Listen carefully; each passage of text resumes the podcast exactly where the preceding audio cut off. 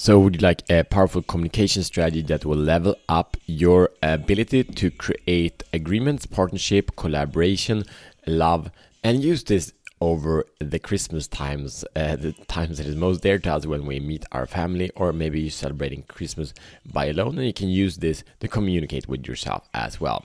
So, welcome to Show the Fuck Up podcast. This show is for men that are ready to free themselves from the prison of playing small and unleash personal greatness. So, thanks for being here. Let's for having thanks for having fun. Uh, we are in about episode number 100, 270 something like that approaching 300 really exciting about that. But let's dig into the communication. So the the point the, the issue here, here, here we, I, I, will share first i will share um, two communication strategies with you in just a little bit.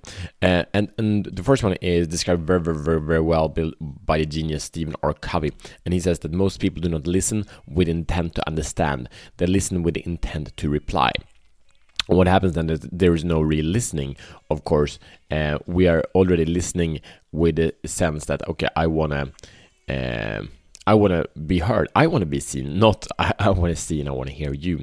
And the issue with that is is obvious that if we uh, don't feel seen and heard uh, then um, the other one the other person will not do it either. So we have to be the people that shut the fuck up and start really really listening with real presence.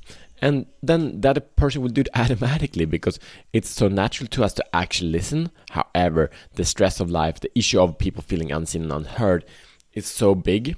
Uh, so there are so many la- layers of, of communication and mess that is put on top of it. but just shut the fuck up with this. So the first communication strategy is very simple is start listening to understand.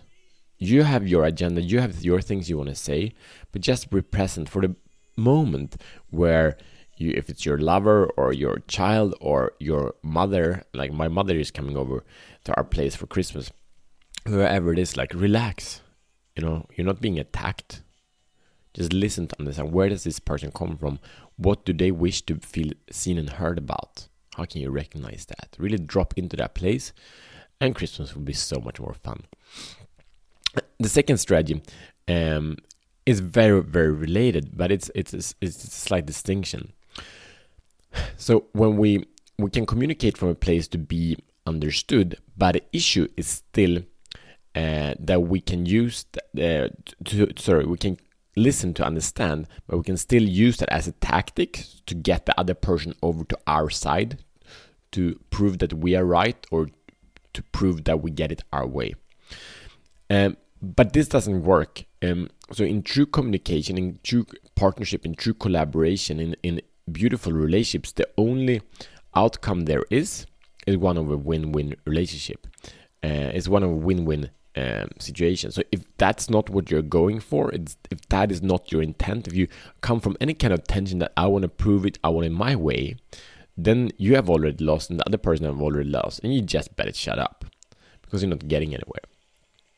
So come from a place that here is, is a situation. This you know it can be so small things about you know how the, how how many gifts are given or how the dinner table is set up like the, all these kind of small things or and all these huge things like you're drinking too much or whatever it is right but if you're coming from a place that I want you to win and I want me to win, how can we do this? How can we create a situation where none of us need to compromise and we can have an epic time together?